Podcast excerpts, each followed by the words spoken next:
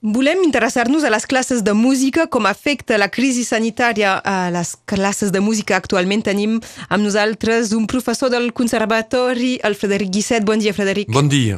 Hi ha, hi ha diferents aspectes. Eh, Potser el que toca la- l'escola Arrels, hi ha el XAM, aquests horaris eh, per, per fer música, dedicats a la música dins de l'escola. És que sou autoritzats a anar dins de l'escola per fer aquestes classes, aquestes hores? Sí, ho podem fer perquè les classes de, de les escoles són obertes, doncs nosaltres hi anem. És veritat, però és complicat, perquè quan toquem un instrument, això no podem agafar la màscara i doncs l'hem de treure i també de bufar dins un instrument. Això és perillós, però eh, ho fem. De moment és autoritzat És i, autoritzat. i no hi ha coneixement de que hi hagi hagut alguna contaminació en aquest sentit. Fins ara no. Canvia a l'hora de, de no ajudar un alumne amb els dits o...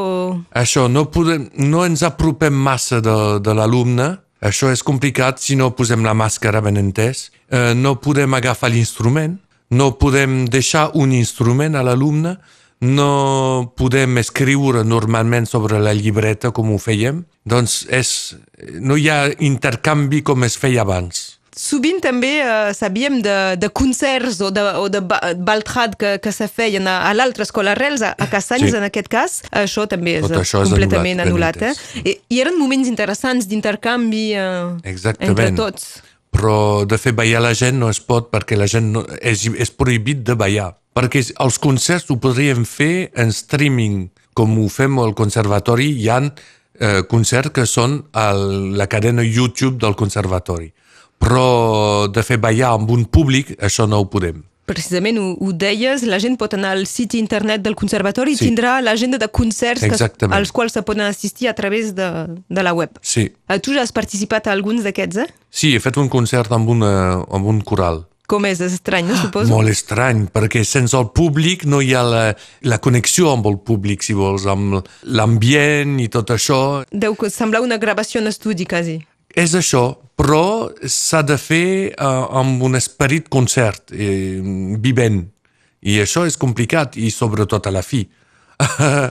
Com ho fas? Perquè no, ningú aplaudeix i sense, un silenci increïble. Eh, això són coses a les quals us heu hagut d'acostumar. Sí. Esp esperem que no duri massa, massa tampoc.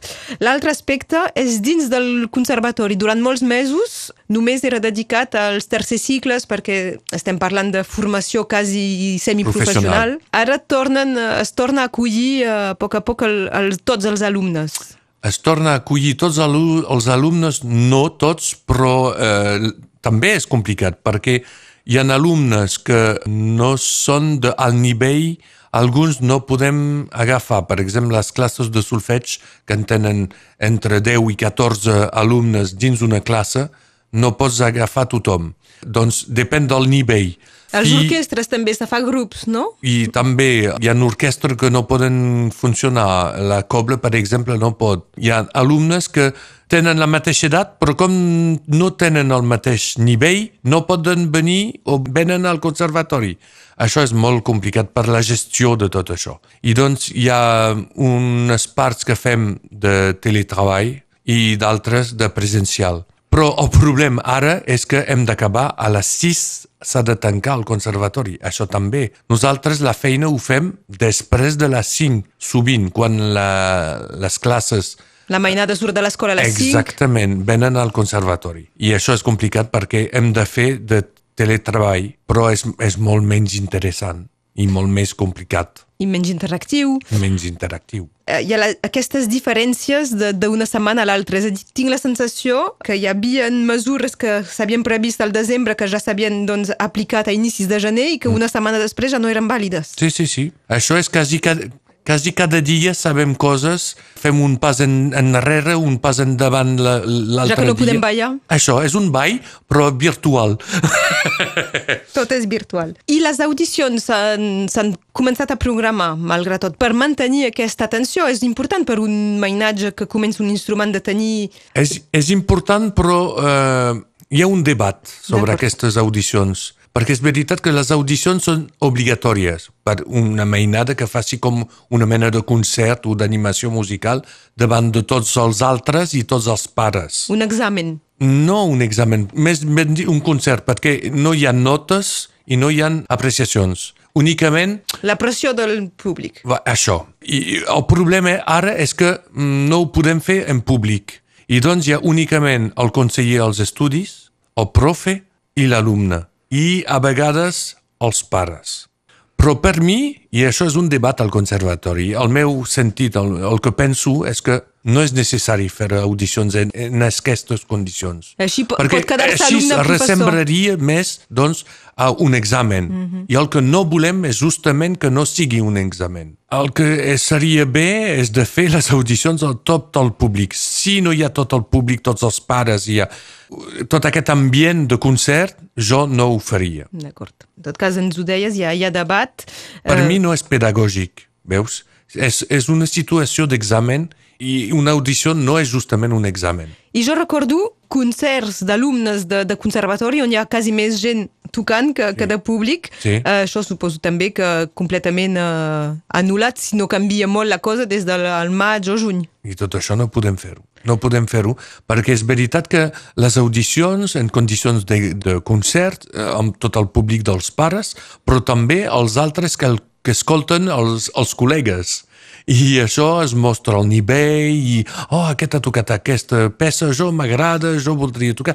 Tot això no, no ho podem fer-ho. I doncs jo estic contra aquestes audicions actuals amb el Consell d'Etudes com un jurat el profe, l'alumne i els pares, per jo no tinc cap interès.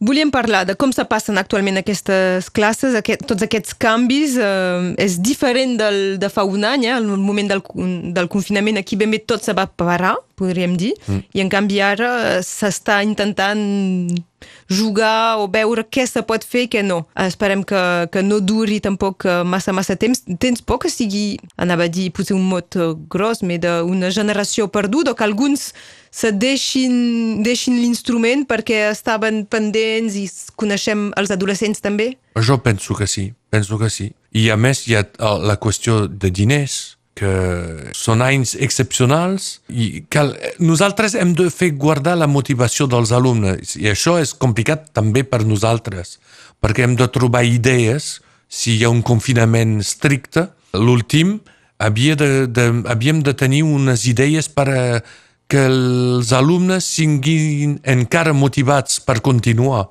però em sembla que tindrem menys alumnes l'any que ve Abans de recuperar potser eh, abans de recuperar totalment tot. Ho veurem i Ho en veurem. tornarem a, a parlar. Frederic Guisset, aviat te retrobarem també aquí a, a Radio Arrels regularment. Recuperem aquesta crònica de les sardanes que durant un, Sí. uns anys, eh, per, eh, per raons eh, diverses i variades, no, no vam poder continuar. Et retrobarem una vegada a la setmana. Això m'agrada. Sigueu ben atents, oients de, de Radio Arrels. Gràcies, Frederic. Gràcies a tu. Adeu. Adeu.